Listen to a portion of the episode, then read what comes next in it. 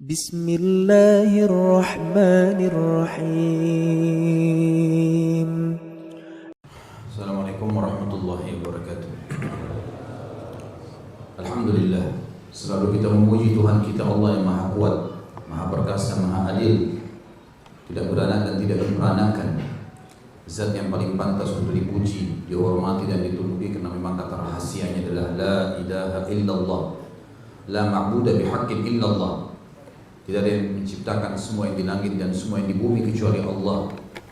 Dan dia telah menggantungkan segala nikmat yang diberikan kepada kita dengan memuji namanya. Alhamdulillah. Maka sering-seringlah saudara mengucapkan kalimat yang mulia ini. Juga kita panjatkan salam hormat kita kepada manusia terbaik yang telah membawa kepada kita hukum halal haramnya sang pencipta sehingga kita punya panduan hidup tahu mana yang boleh dan mana yang tidak boleh dan puncaknya kita akan masuk dalam surga yang abadi dengan kenikmatannya dan juga jauh dari api neraka dengan siksaannya Allah sang pencipta bersama malaikatnya mengucapkan salam hormat kepada manusia terbaik ini dan dijadikan sebagai ibadah kepada orang-orang yang beriman maka sangat wajar kalau kita selalu mengucapkan salawat dan taslim kepada Nabi besar Muhammad sallallahu alaihi wasallam. Melanjutkan bahasan kita masalah kiamat. Dan pada pertemuan yang lalu kita sudah membahas panjang lebar masalah tanda-tanda kecil dan besar. Dan sudah saya rasa sudah selesai bahasan kita tentang tanda-tanda kiamat kecil dan besar itu. Kita sekarang akan masuk ke masalah terjadinya kiamat. Proses terjadinya kiamat. Sebuah hadis yang sahih menyebutkan bahwasanya nanti akan terjadi kiamat kepada orang-orang yang buruk. Dan kalau ikhwat dan akhwat sekalian rahimani rahimakumullah masih mengingat pertemuan kita yang lalu, ada hadis yang menyebutkan Allah akan tiupkan angin dari arah negeri Syam dan akan merenggut nyawa setiap orang yang beriman. Sehingga tidak tertinggal lagi kecuali orang-orang yang buruk yang iblis menjelma menjadi manusia lalu mengajak mereka menyembah berhala. Padahal pada saat itu mereka sangat kaya raya, makmur. Dan akhirnya mereka kembali menyembah berhala setelah mereka masuk Islam secara totalitas. Di zaman turunnya Nabi Isa alaihissalam. Sudah kita panjang lebar jelaskan. Artinya Muslim semuanya. Nggak ada lagi orang kafir pada saat itu. Tapi mereka karena jauh dari masa kenabian, Nabi Isa alaihissalam sudah meninggal dunia. Kemudian mereka kembali dengan kekayaan dan kemakmuran. Akhirnya syaitan kembali membawa mereka menyembah berhala. Dan mereka mengikuti itu. Pada orang-orang inilah kata Nabi SAW terjadi kiamat. Dan prosesi yang paling pertama adalah pada saat itu akan ditiupkan sangkakala. Sangkakala yang kata Nabi SAW dalam sebuah hadis yang sahih, kalau Israfil sudah meletakkan mulutnya di corong sangkakala. Itu Nabi SAW masih hidup. Jadi awalnya sangkakala jauh. Tetapi di sini disebutkan dalam hadis kalau di zaman Nabi SAW Israfil sudah meletakkan tiupan sangkakala di mulutnya seperti orang yang siap untuk meniup. Dan kalau itu sudah ditiup, maka akan terjadi dua tiupan. Tiupan yang pertama adalah matinya semua makhluk dan terjadinya kiamat. Akan kita ceritakan nanti bagaimana gunung-gunung tercabut dari laut dari dari dari muka bumi ini, semua beban-beban bumi akan keluar, gunung-gunung pada meledak, semua lautan berubah jadi api. Jadi terjadi kiamat yang sangat luar biasa sampai nanti gunung-gunung dicabut semua berterbangan di langit, maka bumi itu menjadi ringan sekali karena nggak ada bebannya.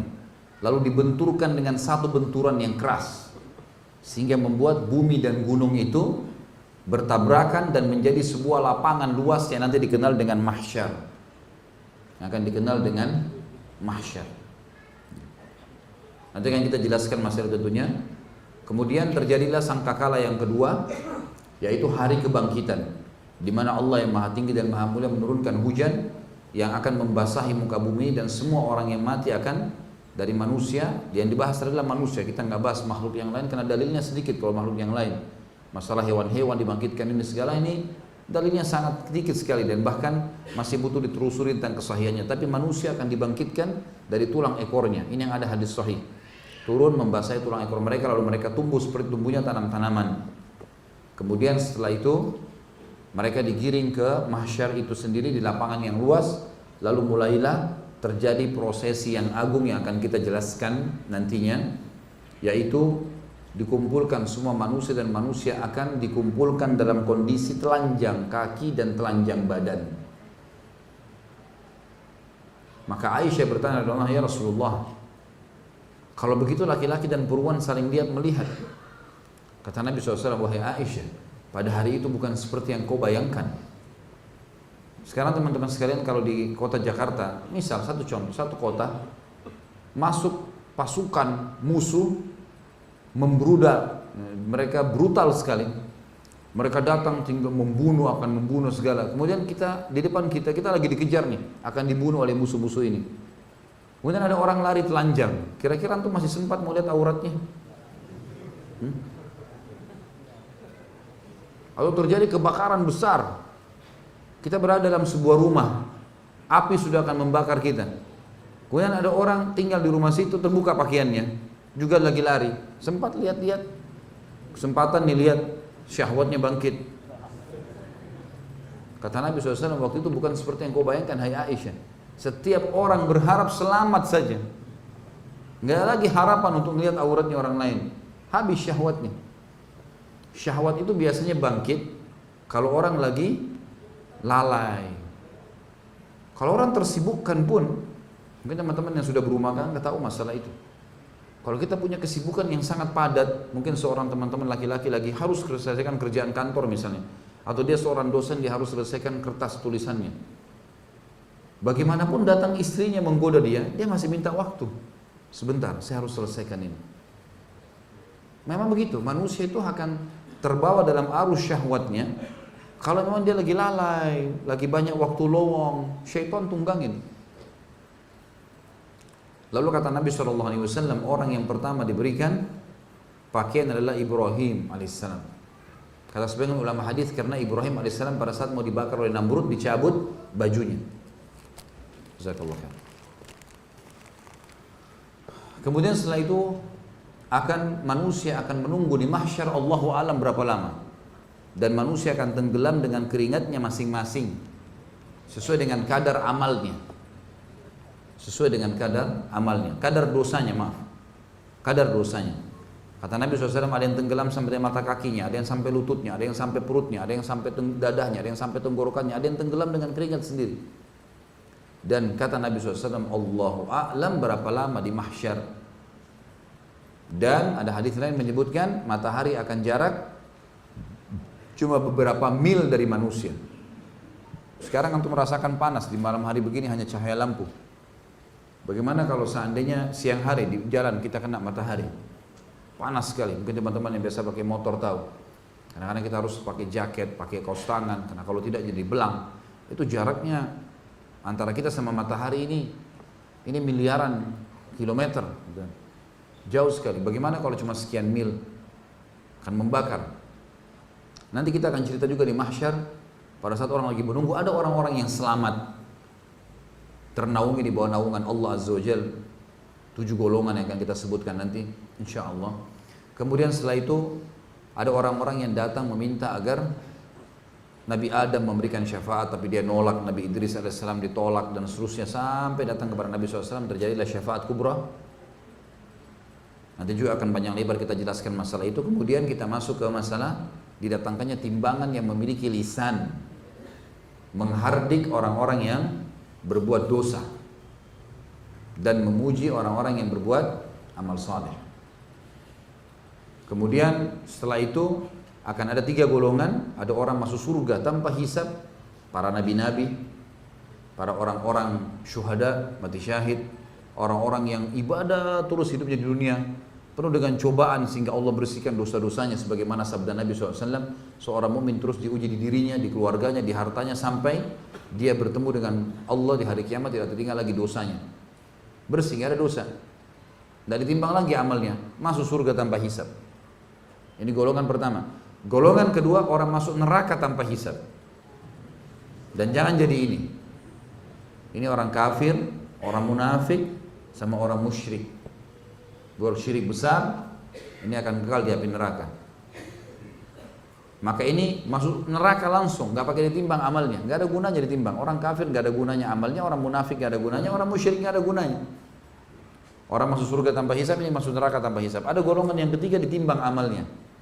Dan ini adalah orang-orang mukmin yang bermaksiat. Tidak sempat taubat ditimbanglah amalnya. Mana amal baik, amal buruk yang akan berat. Kalau amal baiknya dia lolos bersama mukminin, kalau dia buruk berat dosanya maka akan masuk ke dalam neraka. Tapi juga kita akan bahas nanti ada syafaat-syafaat tertentu, pertolongan dari orang-orang mukmin dari Nabi SAW dan orang mukmin untuk menolong kerabat mereka, orang terdekat dengan mereka dan seterusnya. Ini panjang lebar kita akan sebutkan nanti. Kemudian setelah itu barulah masuk ke masalah menuju ke surga atau menuju ke neraka. Dan nanti akan panjang lebar kita jelaskan bagaimana kelolosnya seorang mukmin atau ke dalam surga melewati sirat dan bagaimana sirat itu sifatnya memiliki jembatan yang ada seperti pedang-pedang runcing yang berputar terus untuk menjatuhkan orang-orang yang pantas jatuh ke neraka dulu dan lewatlah orang-orang beriman sampai mereka ketemu di kantara sebuah lapangan di depan surga di mana mereka saling membersihkan masalah-masalah yang tersisa. Jadi misal seseorang punya masalah dengan temannya atau seorang punya masalah dengan orang lain, si A sama si B. Ditimbang amalnya, si A pernah menggunjing si B, misal atau memfitnahnya Diambillah pahala si A 100 diberikan kepada si B. Ini contoh saja ya. Diberikan 100 pahala kepada si B. Maka si B tadinya punya pahala 10 ribu. Berkurang 100. Karena dikasih kepada si B yang menuntut. Tapi setelah dituntut pun 100 pahala diambil atau 1000 pahala diambil, sisanya ternyata lebih berat daripada dosanya. Berarti si A masuk surga atau enggak? Masuk surga. Walaupun tadi ada yang nuntut kan, si B nuntut, tapi sudah dikasih pahala ternyata masih lebih berat dari dosanya. Maka dia juga lolos. Si B karena dapat pahala dari si A bonus, dia masuk surga. Dua-duanya ini pernah masalah nggak? Masalah. Baik, sebelum masuk surga, mereka akan ketemu di sebuah tempat namanya kantor. Mereka saling membersihkan hati di situ. Suami istri yang pernah ribut di dunia, orang yang pernah cekcok. Kalau memang lolos masuk di surga karena amal baiknya lebih berat, maka secara otomatis itu akan dibersihkan sebelum masuk surga. Karena orang masuk di surga tidak ada lagi dalam hatinya masalah. Baru kita akan bahas panjang lebar surga, permadaninya, bidadarinya, bidadarahnya, istanahnya, pohon-pohonnya, makanannya, minumannya, sungainya, segala macam hal. Dan kita akan masuk juga menjelaskan panjang lebar tentang siksaan neraka, azab yang sangat luar biasa. Baiklah ikhwas sekalian, saya akan mulai dengan masalah proses tadi terjadinya kiamat. Kata Nabi Shallallahu Alaihi Wasallam, orang yang paling pertama mendengar trompet sangkakala, seorang pengembala kambing yang ada di padang pasir. Dan ini sebagian riwayat menyebutkan di sekitar Madinah. Lalu kemudian dia mengangkat kupingnya untuk mendengar, maka matilah dia, kemudian mati semua yang lainnya. Serentak. Hari penghancuran.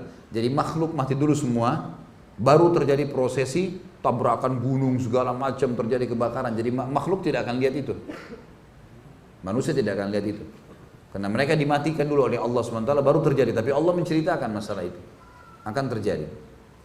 Tentu ini ada sebuah hadis yang sudah kita sebutkan pada pertemuan kita yang lalu. Bagaimana Nabi SAW pada saat menyebutkan tentang Dajjal, beliau mengatakan, itu bisa dilihat tentunya di halaman 64 sampai 65 ya. Hadis ini riwayat Imam Muslim nomor 2940. Dajjal akan keluar di tengah-tengah umatku dan ia tinggal selama 40. Lalu Allah membangkitkan Isa putra Maryam, ia mirip dengan Urwa bin Mas'ud, maka Isa mencari Dajjal dan kemudian membunuhnya. Setelah itu manusia tinggal selama tujuh tahun tanpa ada permusuhan di antara mereka.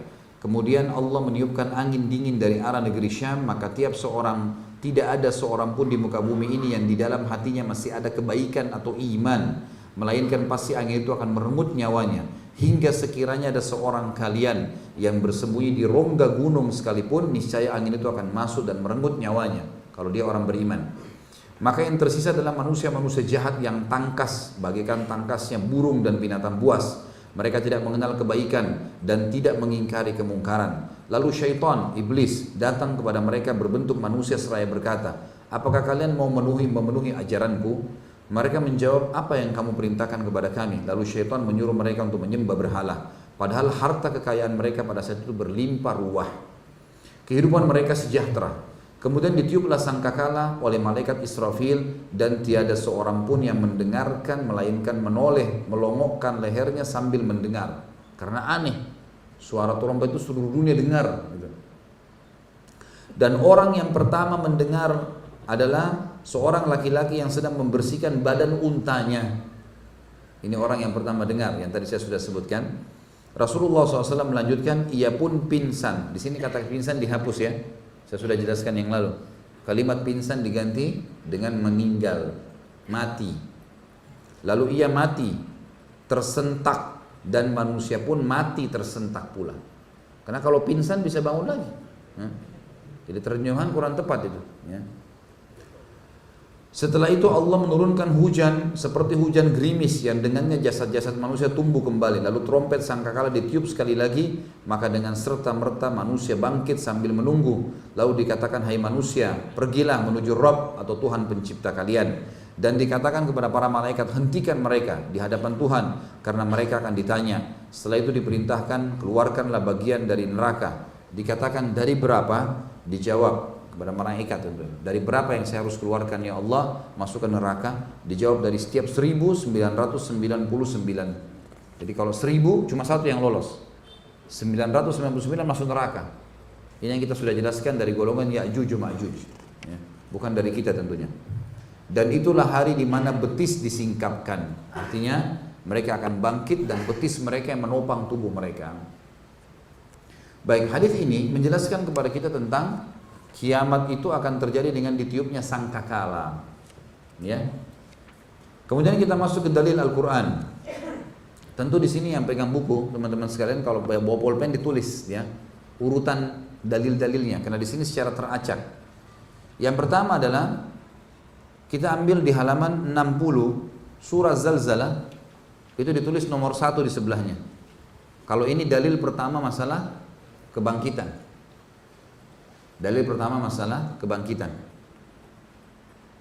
Saya bacakan a'udzubillahi minasyaitonir rajim idza zulzilatil ardu zilzalaha wa akhrajatil ardu athqalaha wa qala al insanu ma laha yawma idzin tuhaddithu akhbaraha bi anna rabbaka awha laha yawma idzin yasdurun nasu ashtatan liyuraw a'malahum wa man ya'mal mithqala dharratin khairan yarah wa man ya'mal mithqala dharratin syarran yarah Apabila bumi digoncangkan dengan goncangannya yang dahsyat dan bumi telah mengeluarkan beban-beban berat yang dikandungnya dan manusia bertanya, mengapa bumi jadi begini? Pada hari itu bumi menceritakan beritanya karena sungguhnya Robmu atau Rob kalian telah memerintahkan yang demikian itu kepadanya. Pada hari itu manusia keluar dari kuburnya dalam keadaan yang bermacam-macam supaya diperlihat di sini akan kita jelaskan bermacam-macam ya. Ada yang dibangkitkan dalam segala macam bentuk Nanti di hari kiamat kita akan eh, penjelasan hari kiamat kita akan bahas panjang. Pada hari itu manusia keluar dari kuburnya dalam keadaan yang bermacam-macam supaya diperlihatkan kepada mereka balasan perbuatan mereka atau pekerjaan mereka. Barang siapa yang mengerjakan kebaikan walaupun sebesar zarrah biji sawi, niscaya dia akan melihat balasannya dan barang siapa yang mengerjakan kejahatan walaupun sebesar zarrah, niscaya ia akan melihat balasannya pula. Saksi bahasan kita dari surah Zalzalah adalah bumi akan terjadi goncangan dan ini tepatnya pada saat ditiupkan sangkakala. Nanti akan terjadi tiupan tersebut bersamaan manusia pada mati, kemudian terjadilah goncangan. Nah, terjadi goncangan. Karena tiupan sangkakala kan kedengaran oleh manusia tadi ya. Nah, sementara ditiup, maka manusia serentak mati semua, gitu kan? Mati mereka dan goncangan sudah ada. Goncangan sudah ada. Tapi masalah tabrakannya gunung sama bumi dicabutnya itu belum terjadi. Cuma goncangan. Makanya di sini dikatakan manusia bertanya, ada apa dengan bumi? Terjadi goncangan seperti ini. Dan bumi mengeluarkan semua isinya. Apa pun yang ada jadi beban yang membuat sekarang bumi jadi berat, bobot ya seperti akhirnya punya magnet, dia tidak tidak tidak tidak keluar dari jalurnya, itu kan ada bobot-bobot yang ada di dalam di dalam bumi itu sendiri baik itu bebatuan, baik itu air, baik itu uh, tambang apa emas dan seterusnya, ini semua akan terkeluarkan. Yang kedua teman-teman sekalian di halaman 61 dilihat paling bawah sebelah kanan ya kalau pegang buku itu disebutkan surah Az-Zumar ayat 68 sampai ayat 70 ayat 68 sampai ayat 70. A'udzu billahi minasyaitonir rajim. Wa nufikha fis suri fasa'ika man fis samawati wa man fil ardi illa man syaa Allah. ثم نفخ فيه أخرى فإذا هم قيام ينظرون وأشرقت الأرض بنور ربها ووضع الكتاب وجيء بالنبيين والشهداء وقضي بينهم بالحق وهم لا يظلمون ووفيت كل نفس ما عملت وهو أعلم بما يفعلون dan ditiuplah sangkakala maka matilah siapa yang ada di langit dan siapa yang ada di bumi kecuali yang dikehendaki oleh Allah ini kalau kita kembali kepada pendapat para ulama tafsir yang dimaksud dengan masalah kecuali orang yang dikehendaki oleh Allah adalah semua malaikat pemikul arsnya Allah. Pemikul arsnya Allah. Kemudian bidadari dan bidadari di surga. Ya. mereka sudah ada sekarang. Sudah diciptakan. Hadis Nabi SAW tentang sahabat Nabi yang terbunuh. Ya, beliau mengatakan, sesungguhnya aku telah melihat bidadari istrinya menjemputnya, ruhnya pada saat mati syahid di perang. Gitu kan? Kemudian juga ada hadis Nabi SAW yang mengatakan tidak ada seorang istri yang membuat suaminya marah di dunia atau kecewa atau apa saja kecuali istrinya dari bidadari di surga berkata, semoga Allah membinasakanmu Sebentar lagi dia akan datang menuju ke kami, gitu kan. Makna hadis ini adalah bidadari sudah ada. Allah SWT sudah ciptakan, gitu kan. Nabi SAW sudah diperlihatkan surga. Dan pendapat yang paling kuat adalah Adam alaihissalam dulu menghuni surga itu. Bukan baru, dari dulu diciptakan. Semua fasilitas sudah ada dengan hikmah ilahi tentunya. Ya. Jadi itu semua tidak kena Termasuk di sini Jibril, Mikail, Israfil, peniup sangkakala sendiri tidak kena. Jadi makna daripada firman Allah dan ditiupkan sangkakala maka matilah semua yang di langit dan semua yang di bumi kecuali yang dikehendaki oleh Allah. Karena kalau tidak ada kata-kata kecuali yang dikehendaki oleh Allah berarti semuanya akan mati.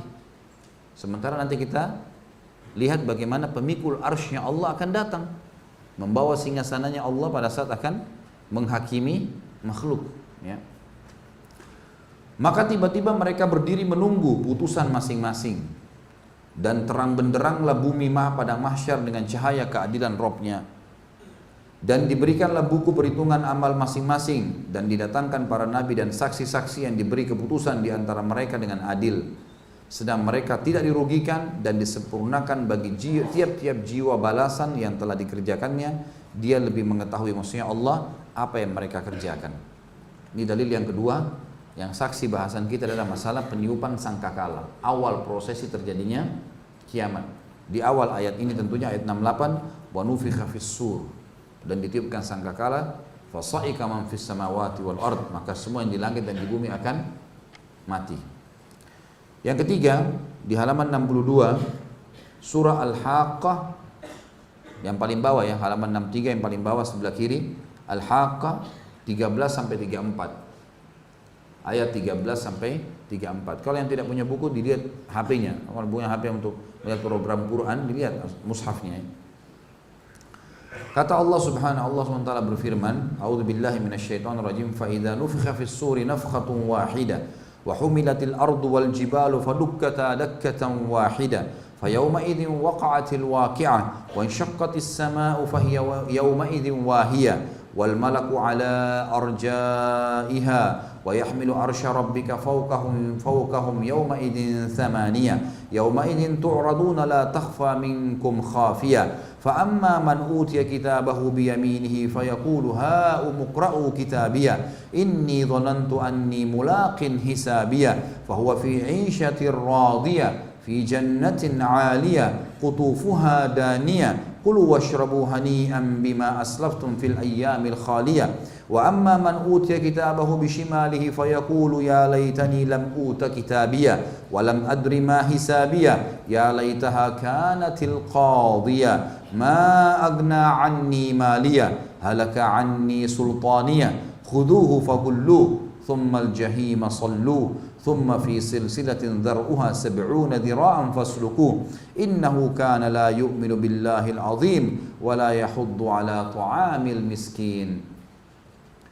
Maka apabila sangkakala ditiup sekali tiupan, tiupan yang pertama, dan diangkatlah bumi dan gunung-gunung. Waktu makhluk sudah mati semua, Yang terjadi pertama setelah di surah Zalzalah tadi keluar semua isi-isinya digoncang.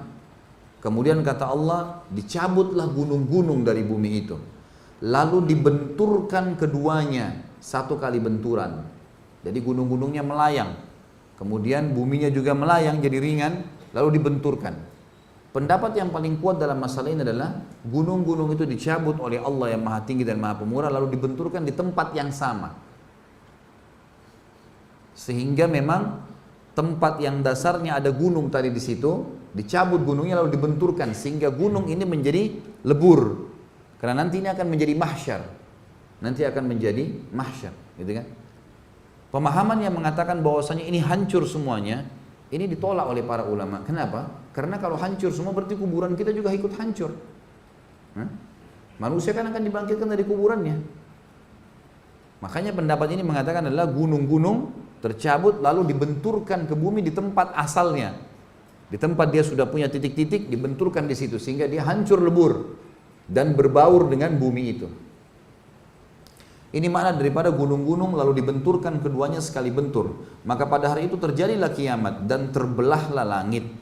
Jadi pada saat sudah dibenturin, bumi ini akan menjadi rata. Gitu kan?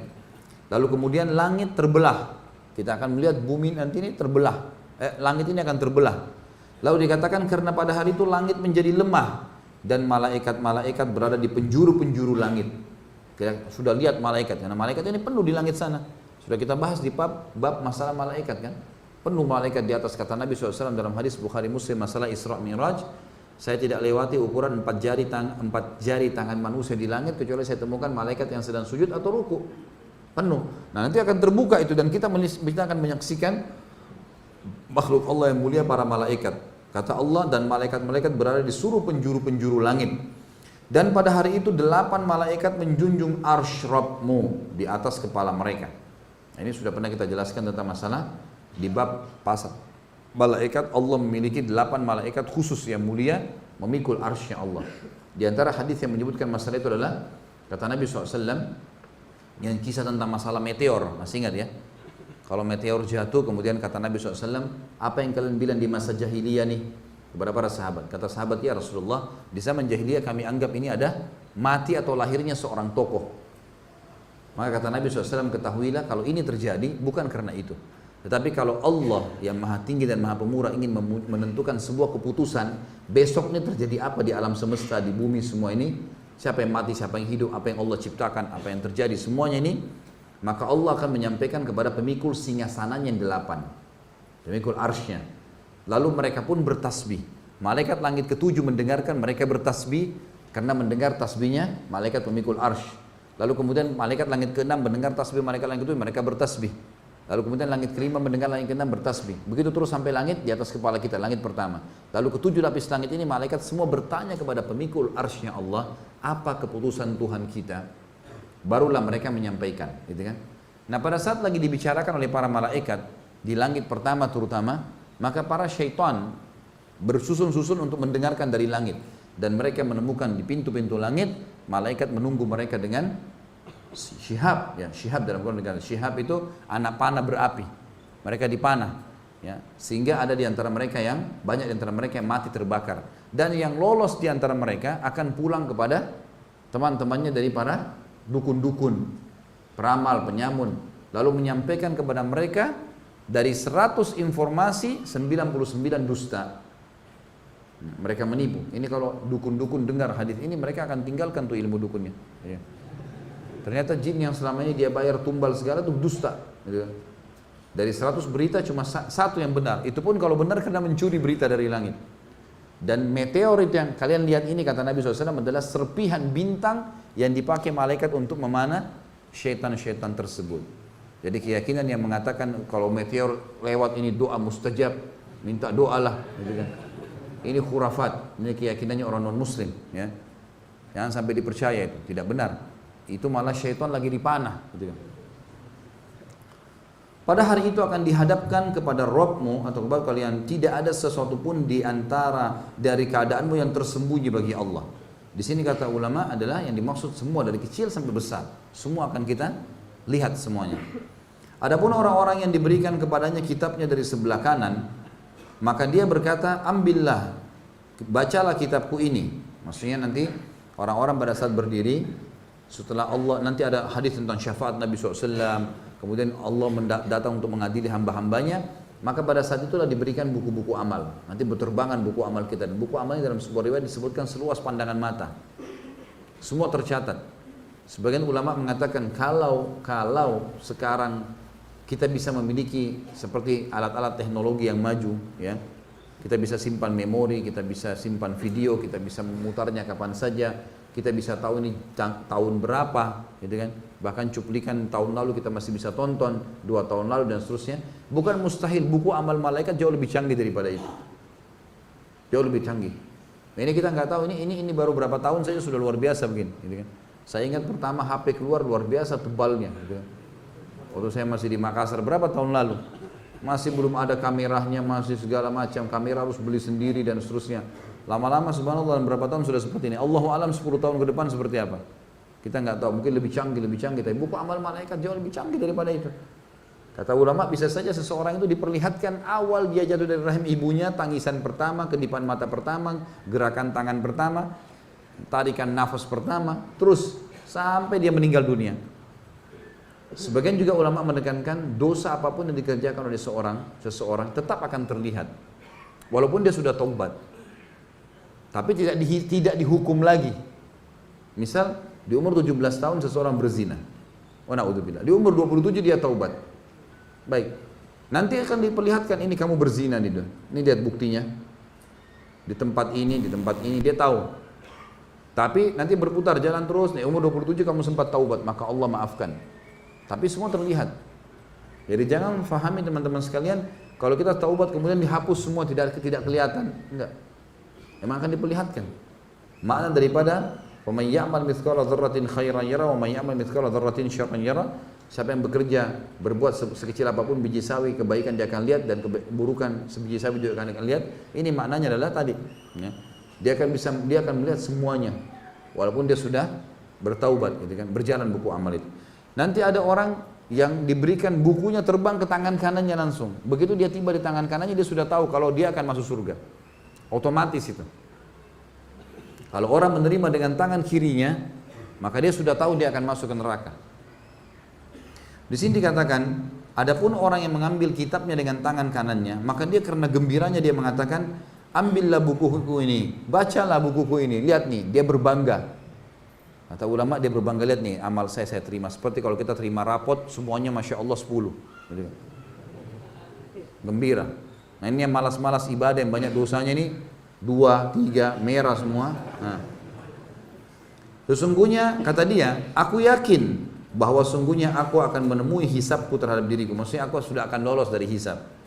Maka orang ini berada dalam kehidupan yang diridhoi dalam surga yang tinggi. Buah-buahannya dekat, Ya, nanti kita tafsirkan, nanti kita akan sampaikan banyak pendapat ulama tentang masalah ini. Buah-buahnya dekat itu seperti apa? Di antaranya adalah pendapat mengatakan kalau dia lihat buah, dia suka pohonnya mendekat ke dia. Dia tinggal petik saja. Ya. Kemudian kepada mereka dikatakan makanlah para malaikat mengatakan dan minumlah dengan sedap disebabkan amal yang telah kalian kerjakan pada hari-hari telah lalu. Adapun orang-orang yang diberikan kepadanya kitabnya dengan sebelah kiri dari sebelah kirinya, maka dia berkata, wahai alangkah baiknya kiranya tidak diberikan kepadaku kitabku ini dan aku tidak mengetahui apa hisapku. Ya. Wahai kiranya kematian itu sudah menjadi sudah menyelesaikan segala sesuatunya. Mereka berharap waktu mati di dunia sudah selesai, nggak ada lagi timbangan amal, nggak ada apa. Tapi kita sudah diajarkan, pasti akan dibangkitkan. Mati hanya prosesi pintu untuk menuju kepada kehidupan abadi, surga atau neraka. Maka mereka berharap mati yang lalu sudah cukup buat saya. Coba seandainya hartaku yang aku kumpul selama dunia sekali-kali tidak memberikan manfaat kepadaku. Telah hilang kekuasaan dariku. Mana dulu pengikutnya, mana kekuasaannya, mana mobil mewahnya, mana 27 30 perusahaannya, mana semua. Allah berfirman, peganglah dia, orang yang terima buku dengan tangan kiri. Lalu belenggulah tangannya ke lehernya. Kemudian masukkan dia ke dalam api neraka yang menyala-nyala.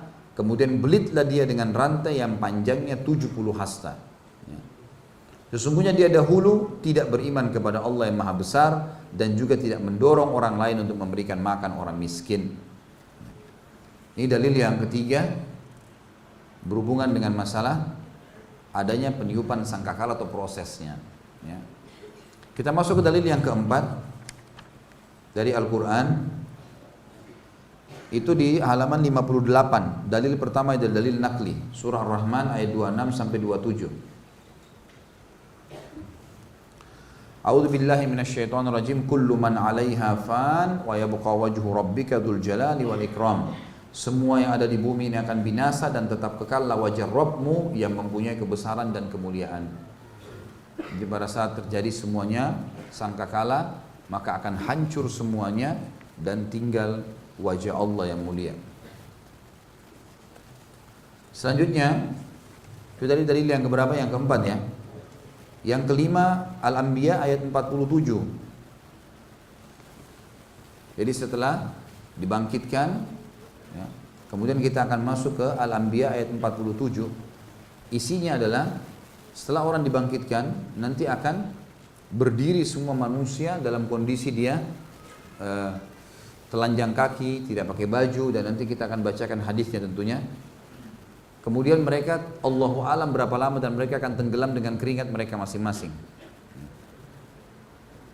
Allah Subhanahu wa taala pada saat itu murka kepada seluruh hambanya karena banyaknya dosa yang dilakukan. Baik, sebelum kita baca uh, Al-Anbiya 47 untuk lebih jelasnya saya kembali masuk ke hadis dulu.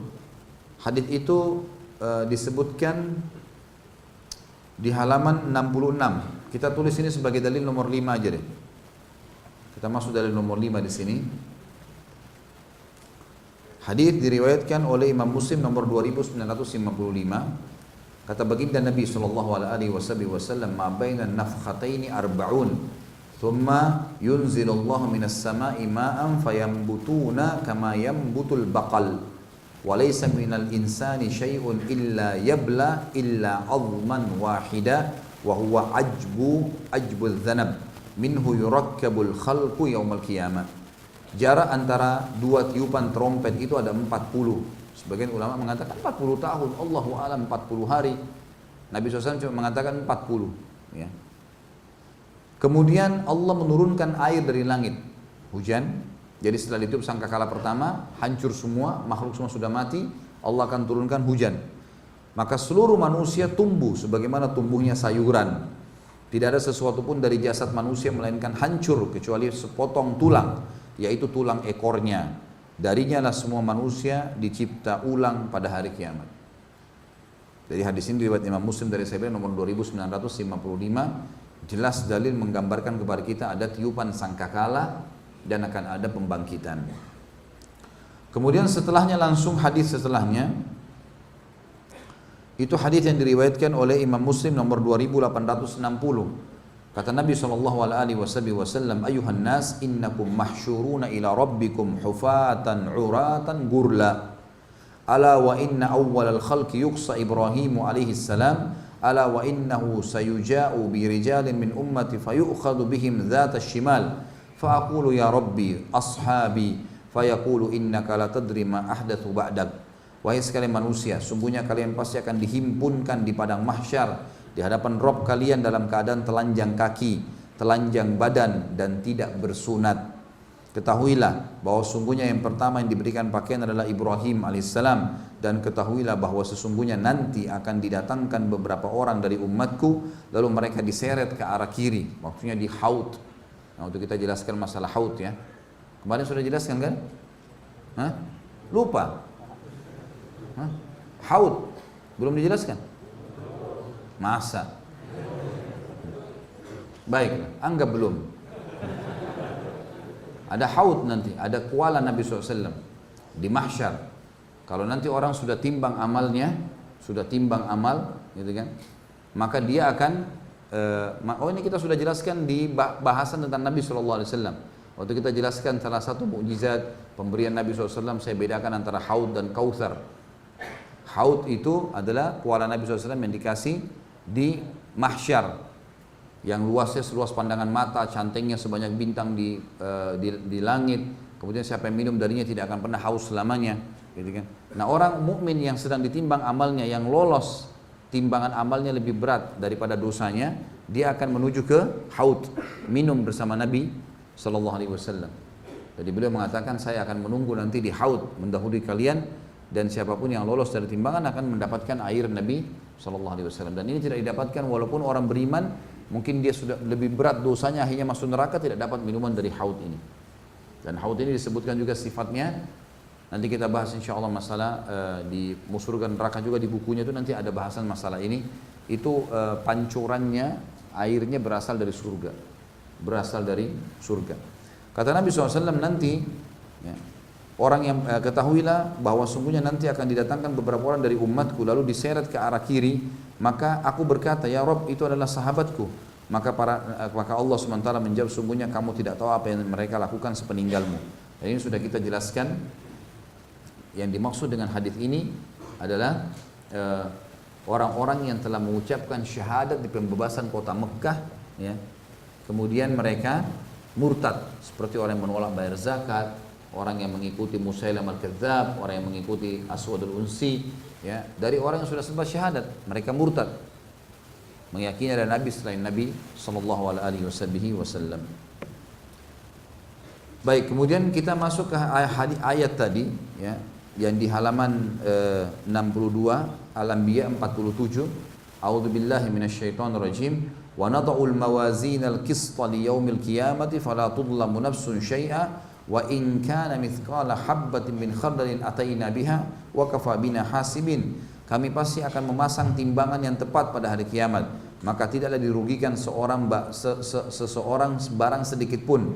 Dan jika amalan itu hanya seberat biji sawi pun pasti kami mendatangkan pahalanya dan cukuplah kami sebagai pembuat perhitungan. Pembuat perhitungan. Juga kita akan dibangkitkan teman-teman sekalian orang-orang yang dibangkitkan juga ini pada hari kiamat itu nanti akan dibangkitkan dengan syaitan-syaitan yang menggoda mereka Sebagaimana dalil selanjutnya itu adalah di halaman 63 ayat surah Maryam ayat 62 sampai 72. 62 sampai 72.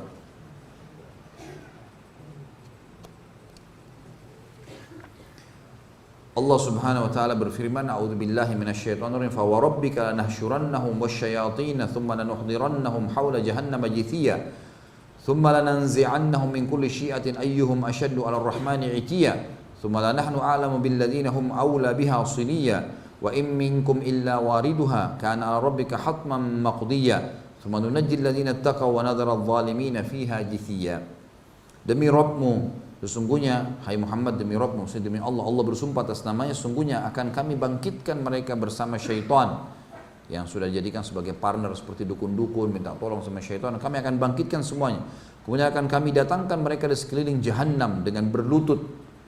Kemudian pasti akan kami tarik dari tiap-tiap golongan siapa di antara mereka yang sangat durhaka kepada zat yang maha pemurah.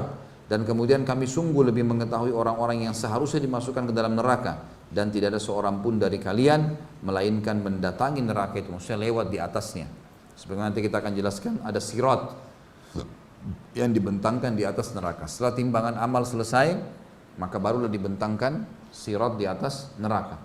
Untuk melewati ke neraka ke surga karena surga harus lewati neraka dulu. Ini makna dari firman Allah, tidak ada seorang pun antara kalian kecuali akan melewati neraka itu. Hal ini bagi Robmu adalah suatu kemestian yang sudah ditetapkan. Kemudian kami akan menyelamatkan dari dari dari dari sirat itu orang-orang yang bertakwa dan membiarkan orang-orang yang zalim dalam neraka dalam keadaan berlutut.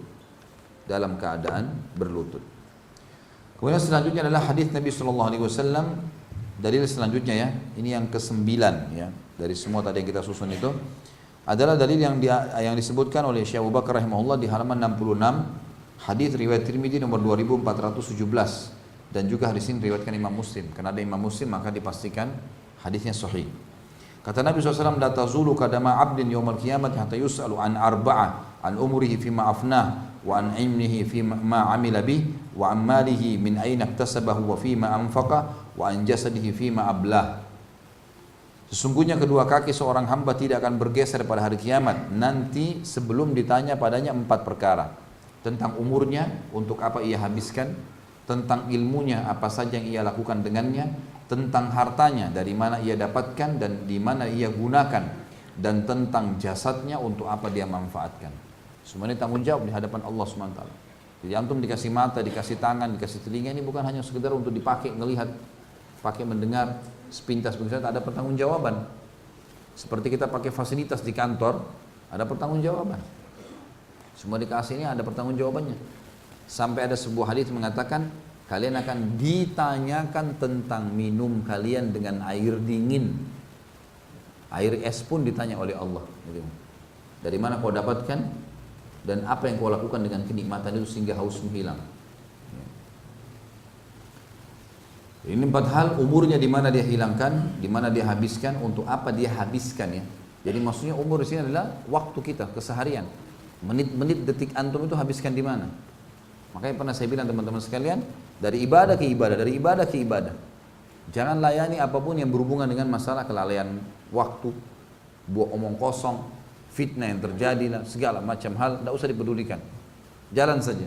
Yang penting kita berada di jalan Allah Subhanahu wa taala. Allah Maha melihat kok.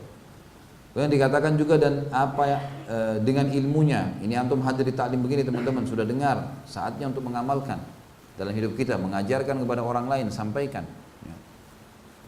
Kemudian hartanya, harta ditanya dua nih, dari mana datangnya, ke mana dikeluarkan.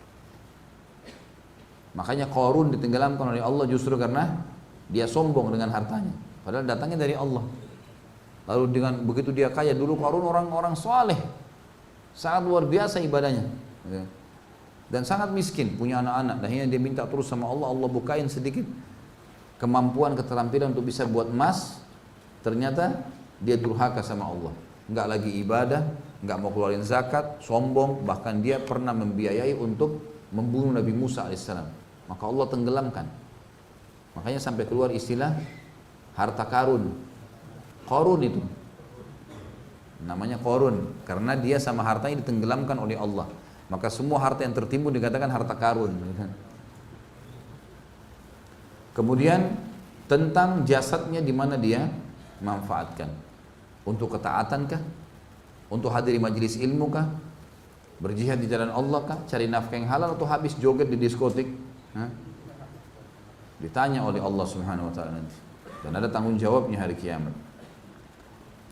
Baik, ini dalil yang ke-9 dan dalil yang ke-10 adalah ini saya susun masih dari sini dulu ya.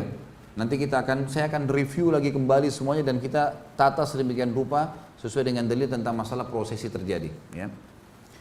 Adalah yang disebutkan di halaman 67 hadis Nabi wasallam yang diriwayatkan oleh Imam Muslim nomor 200.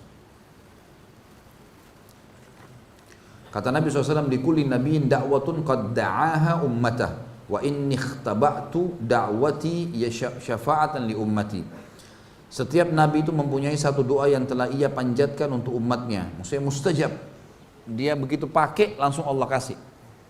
Dan aku menyembunyikan itu menyimpan doaku untuk syafaat umatku pada hari kiamat. Sallallahu alaihi wasallam. Ini saking cintanya beliau dengan kita tentunya. Ya. Kemudian yang ke-11 adalah hadis setelahnya Ibnu Majah, riwayat Ibnu Majah nomor 4308 kata Nabi SAW ana sayyidu wala walad waladi Adam wala fakhr wa ana awwalu man tanshaqqu anhu al-ard yawm al-ardu yawm al-qiyamah wala fakhr wa ana awwalu syafi'in syafi'in wa awwalu musyaffi'in wala fakhr wa liwa'ul hamdi biyadi yawm al-qiyamah wala fakhr aku adalah pemuka anak cucu Adam. Perkataan ini bukanlah kesombongan Aku orang pertama yang dibangkitkan dari bumi. Perkataan ini bukanlah kesombongan. Aku adalah orang pertama yang memberi syafaat dan orang pertama yang syafaatnya dikabulkan. Perkataan ini bukanlah kesombongan dan bendera hamd, puji-pujian ada di tanganku pada hari kiamat. Perkataan ini juga tidak sama sekali ada kesombongan. Baik, saya akan kembali mereviewkan teman-teman sekalian. Dari setelah menyusun dalil tadi ini, ini karena disebutkan di buku kita ya. Dan memang di dalam buku ini beliau menyebutkan karena ingin membuktikan memang hari kiamat ada. Jadi bukan niatnya Syekh Abu Bakar rahimahullah menyusun tentang kasus kejadian. Tapi beliau tujuannya adalah menyampaikan dalil ayat Al-Quran dan hadis Nabi SAW kalau kiamat betul terjadi. Makanya teracak. Ya, tidak teratur. Dan masih tidak teratur dalam arti kata tidak sistematis sehingga bisa teratur. Saya sudah bilang tadi, baik begitu ditiupkan sangkakala, maka matilah semua makhluk. Itu yang terjadi. Kemudian terjadilah benturan-benturan kiamat hari kiamat dan banyak ayat Al-Quran yang lain juga menyebutkan maka planet-planet akan bertabrakan dan seterusnya. Kemudian pada saat itu eh, manusia akan e, dibangkitkan dengan tiupan sangkakala yang kedua dan turunlah hujan gerimis tadi lalu membuat mereka bangkit. Nah pada saat mereka bangkit ada hadis Nabi SAW yang berbunyi riwayat Bukhari kata Nabi SAW semua laki-laki akan dibangkitkan seperti ayahnya Adam 60 siku ke langit 27 setengah meter dan semua perempuan seperti Hawa istrinya e, e, ibu kita alaihi salatu wassalam kemudian e, e, 40 siku ke langit 17 setengah meter. Lalu kemudian dibangkitkan tanpa baju tanpa khitan dan tanpa alas kaki. Lalu keluar dalam riwayat Bukhari yang lain berbunyi Aisyah berkata ya Rasulullah ya bukankah mereka bisa saling lihat melihat? Kata Nabi SAW bukan hari itu bukan seperti yang kau bayangkan wahai Aisyah. Dibangkitkanlah mereka. Lalu ada riwayat lain menjelaskan kata Nabi SAW riwayat Imam Ahmad bahwasanya akan uh, setiap Nabi akan berdiri dan diikuti oleh umatnya di belakang setiap Nabi akan berdiri dan diikuti oleh umatnya di belakang gitu kan jadi nanti misalnya pengikut Nabi Isa, pengikut Nabi ini, dan kata Nabi SAW akan ada Nabi pun dibangkitkan sendirian. Karena nggak ada yang ikut dengan dia. Kan dalam sebuah riwayat yang sahih, riwayat hakim, berbunyi kata Nabi SAW, waktu ditanya tentang jumlah para Nabi, beliau mengatakan jumlah Nabi 120 ribu, di antaranya 313 Rasul. Yang diceritakan kepada kita berapa? 25 Nabi dan Rasul. Jadi masih banyak. Dari Rasul saja yang 313 kita cuma dapat 25 itu pun masih ada nabi di antaranya, bukan semua rasul. Ini jumlahnya 120 ribu, jadi masih banyak kita belum tahu kisahnya. Nah, sudah kita jelaskan di pasal masalah iman kepada para nabi dan rasul. Baik, mereka akan dibangkitkan di belakang nabi-nabi mereka. Kemudian para nabi-nabi diberikan naungan oleh Allah Subhanahu wa taala. Lalu manusia akan tenggelam sesuai dengan kadar keringatnya masing-masing. Ini semua apa yang saya sampaikan teman-teman akan ada dalil yang saya sebutkan ya. Ya semua akan ada dalil karena ini rentetannya Bahasan kita malam ini akan kita hubungkan dengan buku yang lain nanti. Kita akan bahas tentang surga dan neraka. Judulnya Rasulullah SAW cerita surga dan neraka. Nanti akan saya bawakan bukunya insya Allah. Itu akan kita pelajari. Untuk melengkapkan bahasan kita. Karena Syekh Abu Bakar rahimahullah menjelaskan di sini hanya secara global tentang kiamat itu benar terjadi. Lalu itu di pasal ke-10, pasal ke-11 tentang surga dan neraka. Eh tentang kuburan, nikmat dan siksa kubur. Hanya itu saja. Setelahnya langsung pindah ke masalah bahasan lain sudah tidak masuk lagi ke masalah kiamat, padahal masih ada rangkaian surga dan neraka. Makanya kita datangkan buku lain pelengkapnya. Nanti insya Allah saya akan perlihatkan. Baik. Setelah itu teman-teman sekalian semua manusia akan tenggelam dengan kadar keringatnya dan di buku itu nanti akan panjang lebar dari dalilnya semua. Riwayat-riwayatnya hadis yang lebih panjang daripada apa yang kita bahas sekarang. Kemudian pada saat itu manusia karena jenuh maka ada di antara mereka yang datang kepada Adam alaihissalam dan mereka mengatakan wahai Adam engkau ayah kami, engkau manusia pertama diciptakan lalu dipuji-pujilah Adam alaihissalam lalu mereka mengatakan mintalah kepada Allah agar Allah datang mengadili kami. Karena Allah waktu itu lagi marah, murka, sebagaimana akan disebutkan nanti. Kan? Kata e, datanglah agar Allah datang menghakimi kami, kami ke surga atau ke neraka. Karena jenuhnya manusia pada saat itu, maka mereka berharap ke neraka pun dia, padahal neraka mereka belum tahu lebih pedih daripada itu. Maka Adam alaihissalam berkata, saya tidak mampu, saya tidak bisa. Karena hari ini Tuhanku murka belum pernah murka sebelumnya. Dari dosa-dosanya banyaknya dosa-dosa yang terjadi, gitu kan? Maka saya tidak bisa memberikan apa-apa nafsi-nafsi diriku sendiri, diriku sendiri pergilah kepada Idris, nabi yang kedua. Datang kepada Idris. Idris mengatakan juga sama, nafsi-nafsi saya nggak bisa. Pergilah kepada Hud, Hud kepada Saleh, kepada Shu'aib dan dan seterusnya. Sampai tiba kepada Isa alaihissalam. Dan hampir semua nabi ini menyebutkan kesalahan yang pernah terjadi. Lalu mereka mengatakan saya tidak berani, cobalah ke fulan, cobalah ke fulan. Sampai akhirnya tiba ke Isa alaihissalam. Dan kata Nabi SAW Isa tidak menyebutkan kesalahannya. Alaihissalam. Dan kemudian dia pun mengatakan cobalah ke Muhammad dan beliau mengatakan apakah kalian tahu nanti bagaimana orang hari kiamat mengetahui mengenalku siapa aku? Sehingga aku adalah pimpinan anak Adam. Maka para sahabat diam. Kata Nabi SAW seperti inilah. Mereka akan datang kepadaku nanti dan mereka akan mengatakan wahai Muhammad dan waktu itu suara orang terkendengar seluruh mahsyar. Dengan kuasa Allah orang semua akan dengar di mahsyar. Walaupun tidak ada mic, tidak ada apa, semua terdengar dengan kuasa Allah. Maka mereka mengatakan wahai Muhammad engkau nabi terakhir dengan mula risalah ditutup kenabian dan engkau diutus untuk seluruh alam semesta. Jadi semua manusia yang belum pernah ketemu beliau pun mendengar oh ternyata ini orangnya nih. Nabi Muhammad SAW nabi terakhir ini nih orangnya. Gitu kan?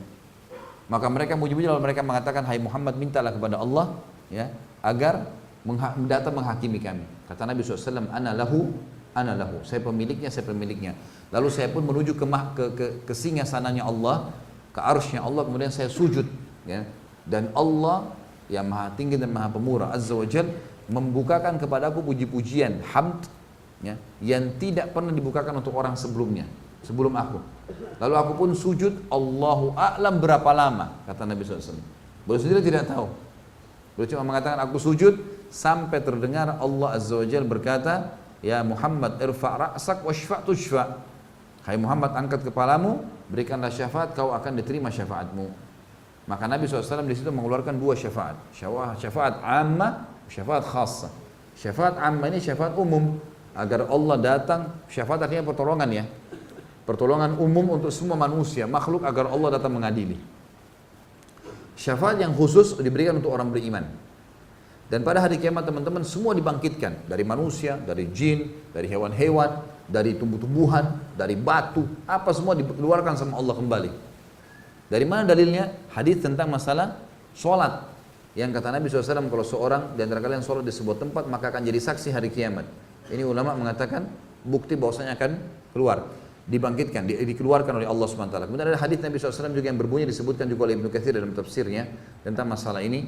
Nanti Allah Subhanahu Wa Taala akan membangkitkan hewan-hewan dan Allah akan menghakimi dua domba yang saling tanduk. Kenapa yang satu menanduk yang lainnya? Dengan kemaha adilannya gitu kan. Tapi tentu teman-teman tidak usah ditanya hewan-hewan nanti ke mana, Allahu alam, nggak ada dalilnya. Ya. Yang penting antum selamat. Gak usah tanya macam-macam gitu kan. Itu intinya. Tapi memang ada hadis menjelaskan ada unta yang menanduk ditanya oleh Allah kenapa dia menanduk, gitu kan? Saking keadilan Allah swt menyebar di mana-mana. Baik. Kemudian pada saat itu Allah swt menghakimi manusia. Didatangkanlah timbangan dan timbangan ini memiliki lisan. Di dalam hadis dikatakan memiliki lisan yang akan memuji orang beriman dan akan menghardik orang-orang yang kafir, gitu kan? Ditimbanglah amal dan timbangan tersebut datang dengan neraca keadilan. Neraca keadilan tidak akan pernah bisa menimbang, tidak akan menimbang kecuali amal. Sampai-sampai kata Nabi SAW akan datang seseorang yang badannya besar. Bayangkan kalau tinggi kita pada saat itu 60 siku ke langit. Nah, 27 setengah meter. Dan Adam alaihissalam itu tingginya 27 setengah meter, lebarnya itu 6, 7 meter kurang lebih. Itu luar biasa. Semua manusia akan begitu laki-laki. Ada seseorang kata Nabi SAW badannya besar, loncat ketimbangan amalnya untuk memberatkan dan tidak bertambah sedikit pun. Dan tambah cuma amal solehnya. Tidak ada gunanya dia loncat itu pun tidak akan bermanfaat. Ditimbanglah amal tersebut. Orang-orang yang memang lolos adalah orang-orang yang disendirikan oleh Allah Subhanahu wa taala. Kemudian orang-orang yang masuk neraka juga dimasukkan neraka tinggal ditimbang adalah orang-orang yang beriman yang punya dosa. Baik, sementara tunggu di mahsyar tadi ada yang saya lupa, ada tujuh golongan yang dinaungi oleh Allah pada saat itu. Tidak kena panasnya matahari. Yang pertama imam yang adil, ya, pemimpin yang adil. Ini selalu berbuat baik. Banyak ulama mengatakan di antaranya contoh Umar bin Khattab, ya Abu Bakar, Utsman, Ali dan seterusnya yang datang setelah-setelah mereka memiliki keadilan. Sampai hari kiamat berlaku tentunya siapa pun orang muslim yang memiliki keadilan dalam uh, pemimpin. Yang kedua adalah seseorang yang hatinya terikat dengan masjid. Kata sebagian ulama hadis yang dimaksud adalah antara azan dan azan. Dia sibuk dengan itu. Azan ke masjid, azan ke masjid. Pokoknya terikat diri dengan masjid. Rajulun mu'allakun qalbu bil masajid namanya. Kemudian yang ketiga adalah dua orang yang saling mencintai karena Allah. Berkumpul karenanya, berpisah karenanya. Dan ini disunnahkan teman-teman sekalian kita saling mencintai karena Allah. Antum cari siapa di antara sesama jenis laki-laki dan laki-laki, perempuan dan perempuan dia menyukai saudara muslim karena ibadahnya. Karena luar biasa ibadah sholat malamnya, majelis ilmunya segala macam. Dia datang dan sunnah mengatakan saya mencintai kamu karena Allah. Lalu dijadikan sebagai sahabatnya yang selalu dia komunikasi setiap hari. Jadi kan partner di mana pun dia pergi. Ini sunnah Nabi SAW. Makanya waktu beliau datang ke Madinah, beliau membangun asas negara ada tiga. Ya. Pertama bangun masjid, Kuba dan Masjid Nabawi sebagai basis maka setiap orang yang mau membangun sebuah komunitas muslim harus ada masjidnya dulu. Kemudian yang kedua mempersaudarakan muhajirin dan ansar, ini yang kita bahas. Yang ketiga adalah menulis kesepakatan dengan orang-orang kafir di Madinah agar membela bersama-sama Madinah. Ini asas negara kata para ulama yang muslim ada bagi setiap muslim. Baiklah. Pada saat itu uh, orang yang bersaudara karena Allah berkumpul karenanya berpisah karenanya akan mendapatkan juga naungan Allah Subhanahu wa taala. Ini yang keberapa? Yang ketiga, dua dari mana? Yang keempat, seorang laki-laki masuk dalamnya kata para ulama perempuan. Seorang laki-laki yang dipanggil oleh seorang wanita yang cantik, memiliki kecantikan dan kedudukan. Bisa kekayaan, bisa jabatan, bisa ke jalur, jalur nasab, jalur keturunan yang mulia, sempurna, sudah cantik, sudah pintar, sudah kaya, segala macam, menggoda sekali sebenarnya, mengajak dia berzina, lalu dia mengatakan saya takut karena Allah. Ya. Kemudian yang kelima adalah seseorang yang mengingat seorang Allah, eh, mengingat Allah sendirian lalu dia menangis. Ya, ini juga fadilah orang yang menangis karena Allah Subhanahu wa taala, ya. Maka dalam hadis lain dikatakan tidak akan tersentuh api neraka dua mata yang yang menangis karena Allah. Jadi dia lagi sholat malam, dia ingat dosanya, dia bertobat sama Allah, dia ingin masuk surga, minta surga, dia ingin minta diberkahi, minta diselamatkan dan seterusnya ini adalah orang-orang yang jelas masuk di sini. Ya.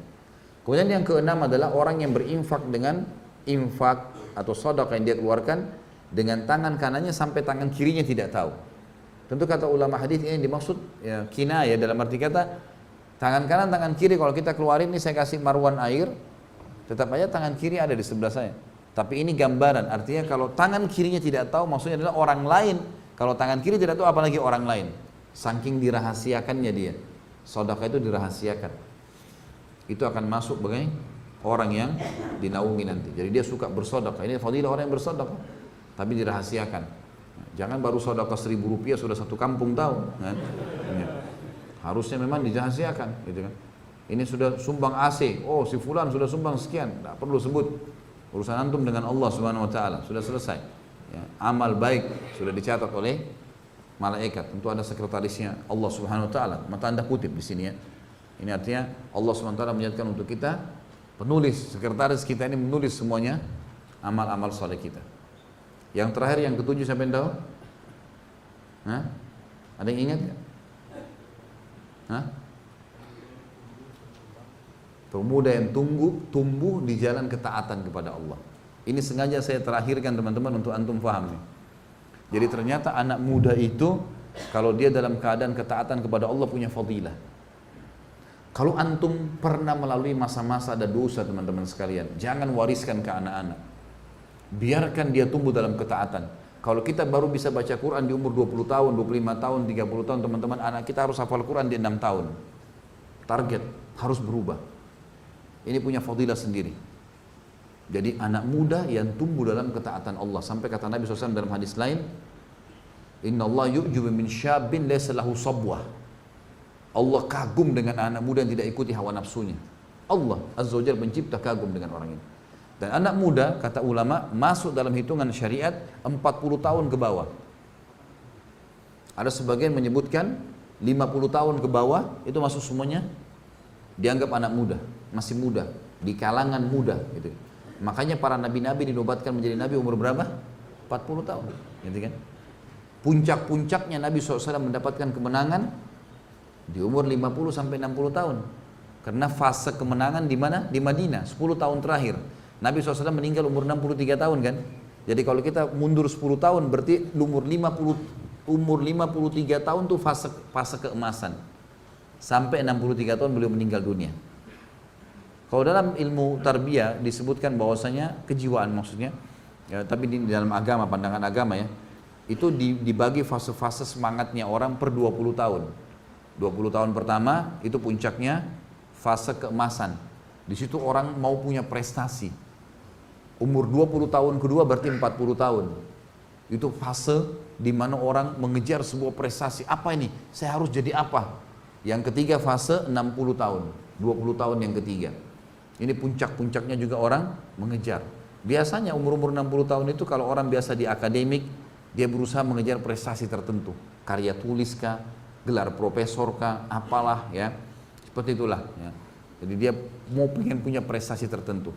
Yang jelas teman-teman sekalian, di sini yang terakhir adalah anak muda dan bersyukurlah kita karena ada pendapat ulama yang mengatakan 50 tahun ke bawah masih dihitung berarti dengan kita menjaga ketaatan pada Allah di umur-umur kita sekarang insya Allah kita termasuk di dalamnya gitu kan maka ini poin penting teman-teman sekalian tujuh orang ini tujuh naungan ini tujuh orang ini dapat naungan Allah di mana naungan tidak ada naungan kecuali naungan Allah pada saat itu baik Kita masuk ke masalah timbangan amal. Ditimbanglah amal-amal orang. Timbanglah amal-amal orang. Dan yang akan ditimbang hanya amal baik dan amal buruk. Ya. Yang sempat kita taubat darinya tidak ada timbangan tentunya, tapi tetap tercatat di buku amal kita. Orang pernah zina, orang pernah dusta, dia tahu ini pada saat ini supaya ada bukti bahwa saya malaikat memang mencatatnya. Ya. Makanya Allah SWT pada saat mengatakan, illa atid tidak ada satu huruf pun yang lewat dari mulut mereka, perbuatan mereka kecuali akan dicatat oleh Rokib dan eh, Rokibun Atid. Rokib Atid ini ada yang mengatakan adalah istilah bagi pengawasan, gitu kan. Ada juga yang mengatakan nama malaikat tapi istilah bagi pengawasan, gitu. Baik ini menandakan bahwasanya semua akan tercatat, semua akan tercatat. Tapi yang ditimbang nanti sebagai dosa adalah yang tidak sempat dia taubat. Makanya Nabi SAW mengatakan saya bertobat kepada Allah sehari 70 sampai 100 kali. Kata sebagian ulama hadis, kalau orang bertobat kepada Allah sehari sehari seratus kali, kalau Allah dengan kemahamurahannya mau memaafkan satu satu satu taubat, satu istighfar itu satu dosa, maka seratus dosa kita bersih dan umumnya manusia tidak mengerjakan seratus dosa dalam sehari. Ini pendapat tentunya ya, pendapat. Maka ini kemuliaan artinya alhamdulillah Allah mudahkan kita mendapatkan kemudahan-kemudahan memahami seperti ini. Baik. Kemudian setelah itu eh, setelah di timbangan amal kalau yang lebih berat walaupun sedikit amalnya maka akan mendapatkan kelolosan pahala. Maksudnya lolos masuk surga. Baik. Ada sebuah hukum di sini. Kalau seandainya seseorang ditimbang amalnya hari kiamat, lalu dia sudah lolos. Dia sudah lolos. Ini ulama mengatakan orang yang sudah lolos dari amal timbangan amalnya, dia akan diberikan kesempatan memberikan syafaat. Jadi yang dimaksud dengan syafaat mukminin, syafaat orang-orang beriman. Kapan mereka memberikan syafaat pada saat timbangan amalnya sudah lolos? Jadi misal seseorang punya 200 pahala.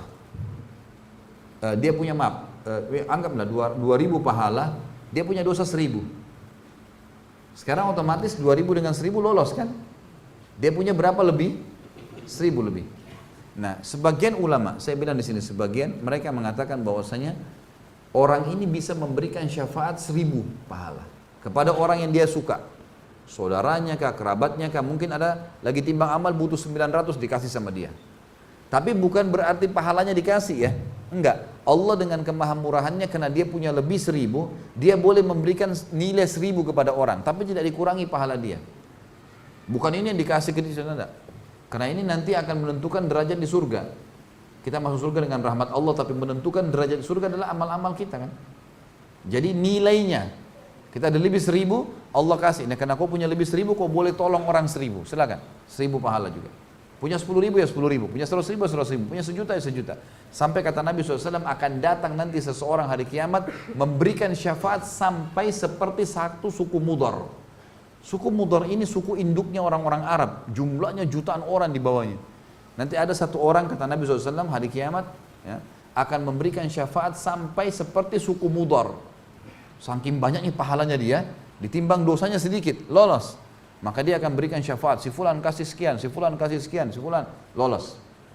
Nah, itu juga akan kita ulangi nanti riwayatnya insya Allah pada saat bahas tentang buku Rasulullah SAW cerita surga neraka. Berikut riwayat-riwayatnya di buku mana, siapa yang riwayatkan nomor hadisnya dan seterusnya. Baik.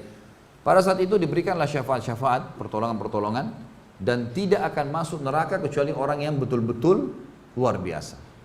Beberapa kejadian besar di, di, di timbangan adalah di antaranya ada namanya hadis bitaqah dalam hadis Bukhari. Hadis kartu.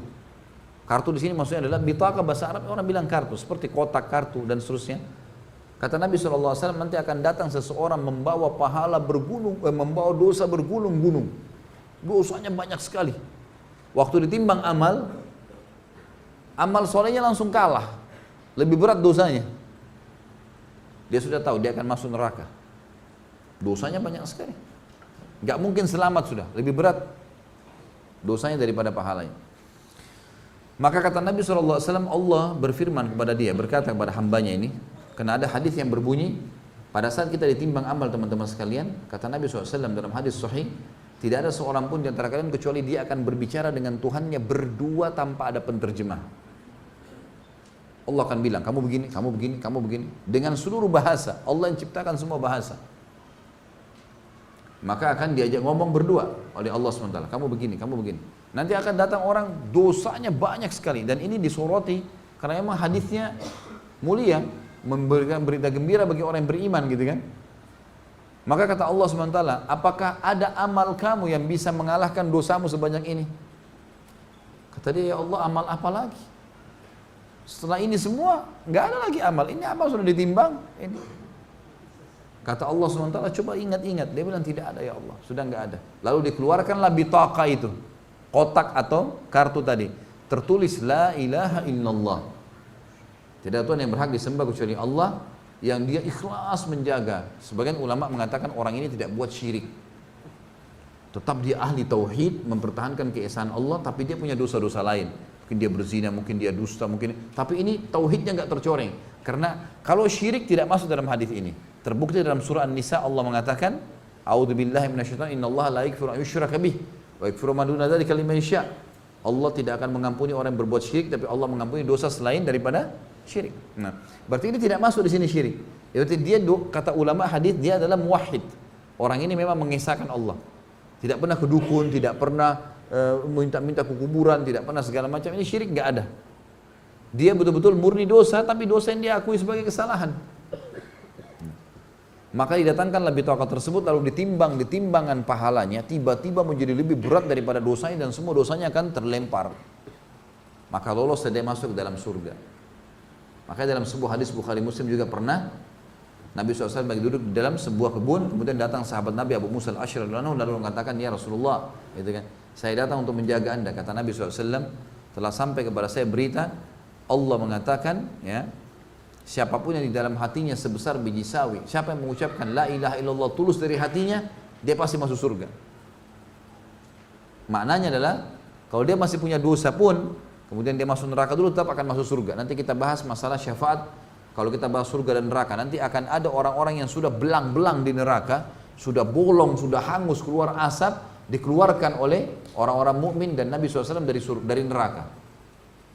Kemudian mereka akan dicemplungkan di sungai-sungai yang berada di pintu gerbang surga, lalu mereka tumbuh seperti tumbuhnya tanaman yang masih baru tumbuh, masih lemah sekali dan para ahli surga menyemproti mereka dengan menyirami mereka dengan air-air itu. Nanti akan kita bahas insya Allah masalah surga neraka masalah itu akan keluar mereka. Maka kata Abu Musa al-Asyari ya Rasulullah, apakah boleh saya sebarin ke orang-orang ini? Kata Nabi SAW, kalau kau sebarin berarti mereka akan bergantung dengan itu. Jadi maknanya di sini memang mentauhidkan Allah penting kan la ilaha illallah itu kalimat tauhid kan. Pengesaan. Tidak ada sekutu bagi Allah. La, tidak ada Tuhan yang berhak disembah kecuali Allah nggak ada sekutu baginya masalah itu. Baik. Setelah itu teman-teman sekalian, setelah semua ditimbang amalnya, orang-orang beriman yang sudah lolos tadi tanpa hisap, orang beriman juga yang sudah lolos dari timbangan ini akan kumpul di haud. Haud ini adalah kuala Nabi SAW di mahsyar. Kuala Nabi SAW di mahsyar. Kata Nabi SAW, Ana faratukum, saya akan dahului kalian ilal haud, ke haud.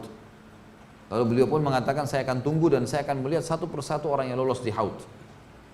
Mereka akan minum dan siapa pun yang minum dari haud tidak akan pernah haus selamanya. Yang tidak minum di situ hanya orang kafir, musyrik, orang munafik dan orang-orang yang dasarnya mukmin tapi banyak dosanya masuk neraka dulu karena dosanya lebih berat daripada amal solehnya.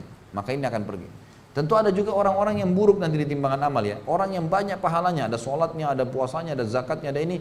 Tapi dia buruk hubungan dengan manusia. Pernah caci maki orang ini, pernah menghina orang ini, pernah mengambil haknya orang ini. Tidak pernah minta maaf. Maka orang-orang ini nanti akan datang kata Nabi SAW orang yang bangkrut. Apa kalian tahu siapa orang yang bangkrut? Kata para sahabat ya Rasulullah yang dirham dinarnya habis. Kata Nabi SAW tidak. Bangkrut adalah orang yang datang hari kiamat membawa pahala sholat, zakat, puasa, haji. Tapi sisi lain pernah caci maki orang ini, pernah pukul orang itu, pernah mengambil haknya orang ini. Dan mereka meminta kepada Allah di hari kiamat di timbangan. Ya Allah orang ini begini, diambilin. Ya Allah orang ini begini, didatangin semua. Ini dengan keadilan. Nggak ada bisa tersembunyi, nggak ada sogok-sogokan. Semua kena pada saat itu. Kalau habis pahalanya karena orang nuntut, masih ada yang nuntut, diambil dosa-dosa orang yang menuntut diberikan kepada dia. Maka itu adalah orang yang bangkrut sebenarnya. Karena habis semua pahalanya, kemudian juga dosa-dosa orang lain dipikul sama dia. Makanya teman-teman gini, saya saya saya berikan antum uh, uh, sebuah teori menerima transfer gratis pahala. Nah, bagaimana caranya? Kalau antum lagi lewat, lagi jalan dalam kehidupan ini teman-teman sekalian lalu ada yang caci maki, ada yang hina, ada yang apalah antum. Tenang aja. Kalau dia lagi ngomong antum lihat mukanya, alhamdulillah, pahalanya. Pahalanya pindah semua. Kata Nabi SAW, kalau dua orang yang satu sedang mencaci, ya, maka akan terus mendapatkan dosa yang mencaci maki. Gitu sampai rivalnya melawannya. Kalau rivalnya melawan, baru sama-sama dua dapat dosa. Kalau enggak, yang satu yang diam dapat pahala. Jadi nggak usah dibalas orang fitnah, orang caci maki, orang buat macam-macam. Sudahlah tenang. Yang penting antum di jalan Allah. Tidak usah pedulikan. Gak ada sesuatu yang rugi kok. Orang mau ngomong apa pun biarin. Tidak usah pusing. Yang penting kita benar, gitu kan? Itu prinsip dasar. Harus digarisbawahi poin itu teman-teman sekalian. Jangan balas kebodohan dengan kebodohan. Tidak ada gunanya. Balas kebodohan dengan kepintaran. Balas kejahatan dengan kebaikan. Balas keterpurukan akhlak dengan kebijaksanaan. Jangan dibalas sama. Sekarang kalau dua orang bertengkar teman-teman sekalian, dua-duanya marah. Dua-dua jelek kan? Mukanya dua-dua jelek, kata-katanya jelek, perilakunya jelek. Apa yang membedakan? Kalau yang satu marah-marah, yang satu diam. Baru orang tahu dari jauh, oh iya ya, ini yang buruk, ini orang baik. Orang tahu, gitu kan? Di situ udah diuji, kesabaran antum, sabar nggak?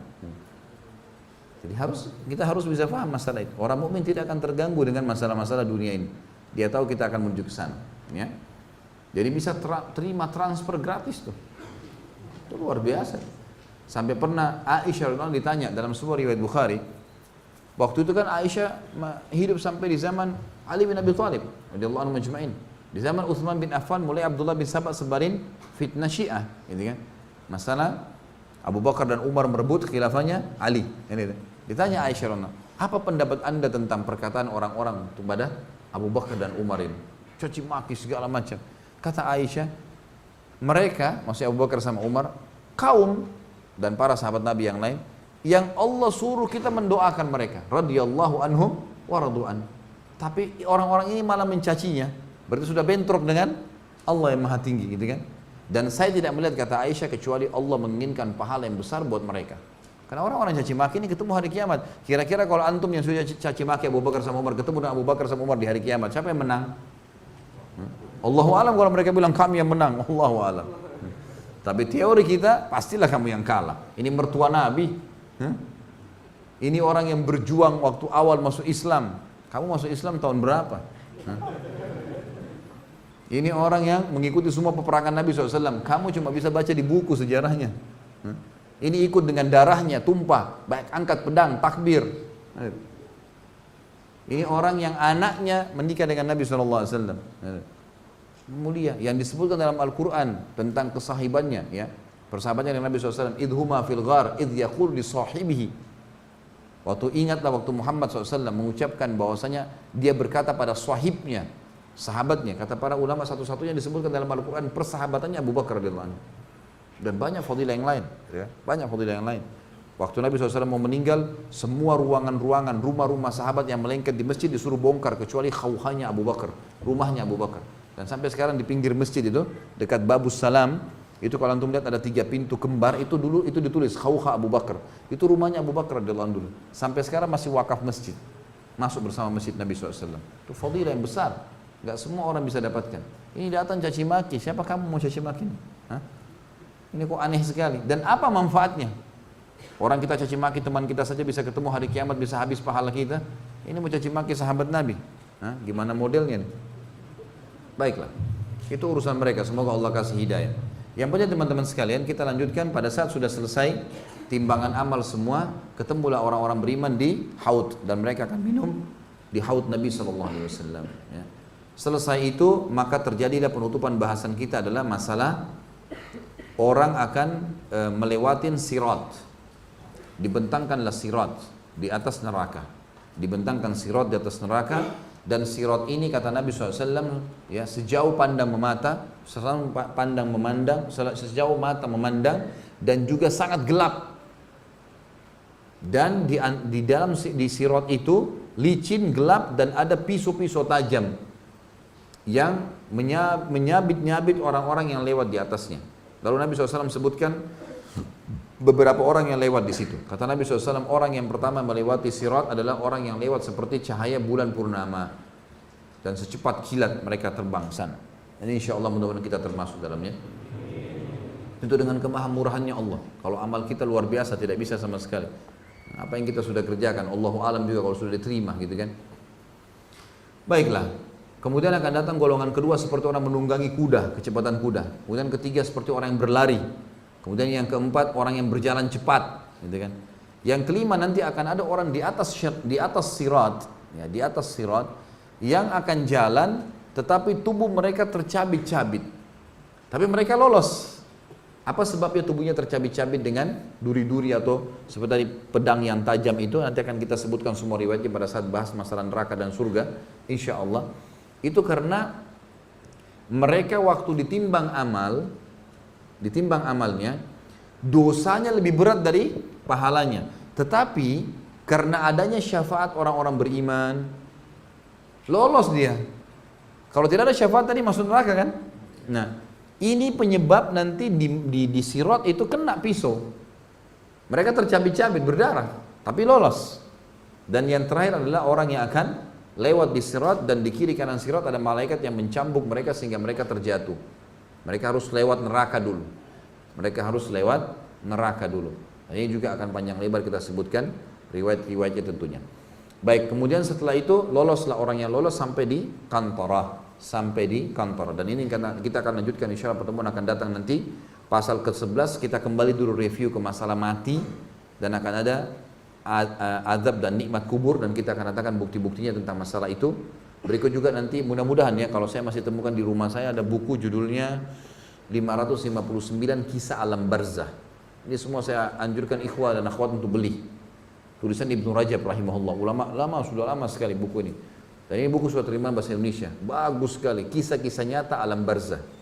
Kisah tentang orang-orang beriman. Ada ratusan kisah orang beriman di situ yang kuburannya terbuka jasadnya ditemukan masih utuh lah keluarkan bau wangi lah ada bunga mawar di dadahnya lah dan kisah-kisah nyata. Dan itu dinukil dengan riwayat-riwayat. Begitu juga dengan kisah orang-orang yang ditemukan di kuburan dalam kondisi yang mengenaskan ya eh, apa namanya terbakar dan seterusnya ini akan disebutkan juga di situ. Ini akan kita bahas baru kemudian kita masuk ke masalah surga dan neraka insya Allah. Karena memang susunan buku kita begitu ya.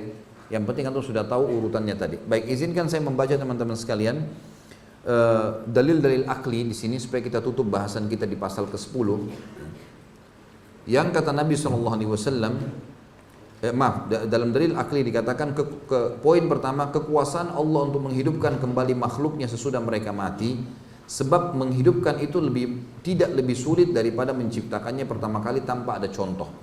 Jadi maksudnya Allah Subhanahu wa taala secara akal kalau orang sudah beriman sama Allah pasti dia yakin Allah mudah membangkitkan sebagaimana membangkitkan lebih mudah daripada menciptakan dari awal. Yang kedua, tidak ada sesuatu pun yang ditolak oleh akal sehat tentang kebangkitan kembali dan pembalasan sebab akal sehat itu tidak akan menolak kecuali dengan hal yang mustahil seperti ada sesuatu yang berlawanan atau bertemunya dua hal yang bertentangan. Sedangkan kebangkitan hari kiamat dan pembalasan sama sekali tidak tidak termasuk dalam hal tersebut. Ini secara akal tentunya. Yang ketiga, adanya hikmah atau kebijaksanaan Allah yang maha tinggi dan maha murah yang tampak pada perbuatan-perbuatannya pada makhluk-makhluknya dan yang tampak pada setiap aspek dan sendi kehidupan dan kenyataan-kenyataan yang tidak mungkin kalau tidak ada kebangkitan kehidupan kecuali eh, atau kembali bagi makhluk ini sesudah kematian mereka dan tidak mungkin kalau kehidupan itu berakhir lalu amal perbuatan baik atau buruk mereka tidak diberi balasan. Yang terakhir adanya kehidupan dunia dengan segala kenikmatan dan kesengsaraan yang ada di dalamnya adalah sebagai bukti akan adanya kehidupan lain sesudah di alam yang lain pula di mana di saat ya di saat itu di sana terjadi terdapat keadilan, kebaikan dan kesempurnaan, kebahagiaan dan kesengsaraan yang lebih besar dan keutama atau lebih utama daripada yang sebelumnya. Di mana kehidupan dunia dengan segala kenikmatan dan kesengsaraannya tidak sebanding dengan kehidupan sesudahnya kecuali sebagai gambaran dari satu istana dari istana-istana yang sangat besar atau satu kebun dari kebun-kebun yang rindang yang berada di atas satu lembaran daun kecil. Tentu ini ada contoh rasional yang lain seperti antum mimpi. Ya. Kita eh, bantahan bagi orang-orang yang selalu menganggap bahwasanya harus sesuatu kelihatan dengan mata kepala Sekarang bukankah orang mimpi teman-teman sekalian dia bisa rasakan nikmat? Nah, seperti misalnya orang mimpi makan, orang mimpi berhubungan biologis, orang mimpi datang ke sebuah tempat yang mewah, istana. Terjadi kan? Bahkan orang sekarang bisa mimpi nyetir mobil, uh, mimpi bawa pesawat, padahal enggak. Dan pada saat dia bangun, ya, dia masih merasakan kenikmatannya, benar nggak? Padahal kita tidak hadapin secara kayak sekarang loh ini. Ada juga orang pada saat mimpi dia bisa rasakan siksaan kan, digigit hewan, jatuh dari jurang, kan itu, berantem sama orang, bisa dirasakan. Dan pada saat dia bangun, baru dia sadar, oh alhamdulillah cuma mimpi bisa. Tapi ada alam mimpi kan itu, yang ternyata di luar alam kita ini ada sesuatu di situ. Makanya kata Nabi SAW dalam hadis yang mulia, pada saat ada beberapa sahabat yang mati di perang Khaybar, Beliau mengatakan demi zat yang Muhammad, jiwa Muhammad dalam genggamannya, sungguh surga bagi kalian seseorang kalian lebih dekat daripada tali sendalnya. Dan demi zat yang Muhammad Muhammad dalam e, jiwa Muhammad dalam genggamannya, neraka lebih dekat daripada sendal seorang di antara kalian. Sekarang teman-teman sekalian, teori secara syar'i kita sekarang begini, beristiqomah saja di sini sholat pada waktunya, jag, kerjakan semua perintah yang halal, yang, yang diperintahkan wajib atau sunnah, paksakan diri di situ. Nikmatin yang halal, tinggalkan yang haram dan yang makruh, meninggal pasti demi Allah masuk surga. Dan surga itu bukan dongeng, nanti akan kita ceritakan teman-teman sekalian. Ini bukan dongeng, tapi sesuatu fakta yang memang kita harus yakini, rukun iman kita itu. Ini kan yang sedang kita bahas masalah kematian, azab, nikmat, kubur, kemudian pembangkitan mahsyar, dari tanda-tanda kiamat, kemudian mahsyar, kemudian surga neraka. Ini rentetan rukun iman kita loh. Sebagaimana kita harus iman kepada Allah ada, malaikat ada, kitab-kitab ada, rasul-rasul ada hari kemudian. Gitu. Ini akan kita bahas semuanya. Maka ini berarti bukan cuma sekedar berita, dongeng, tapi informasi yang pasti terjadi. Maka kita tinggal tunggu mati, ini yang kata Nabi SAW, surga lebih dekat daripada sendal seseorang di antara kalian. Tali sendalnya buat dia, padahal itu di kaki kita. Karena tinggal mati dalam beriman masuk surga. Gitu kan? Makanya waktu Nabi SAW mau meninggal, semua sahabat sedih. Pada sedih gitu. Lalu kata Nabi SAW, wahai sekalian manusia, perjanjian kita di haud. Tidak usah sedih. Kita akan ketemu. Yang penting kau pertahankan ajaranku, kita akan ketemu di sana. Selesai. Bukan di sini. Begitu juga dengan neraka teman-teman. Hanya dengan mabuk-mabukan, dengan zina, dengan dusta, nota palsu, ganggu orang, sombong, hina sana sini, mati masuk neraka disiksa. Teorinya begitu dan teori yang pasti wahyu dari Allah SWT tidak ada yang mengalahkan wahyu itu. Maka harus hati-hati teman-teman sekalian dan ingat majelis ilmu tujuan untuk mengubah seseorang menjadi lebih baik dan tunduk kepada Allah sang pencipta. Jangan pernah malu dengan perkataan orang yang mengatakan kamu alim, kamu begini itu urusan dia. Yang penting kita tetap istiqomah di jalan Allah SWT karena kita akan tanggung jawab sendiri ada hari kiamat. Allahu a'lam.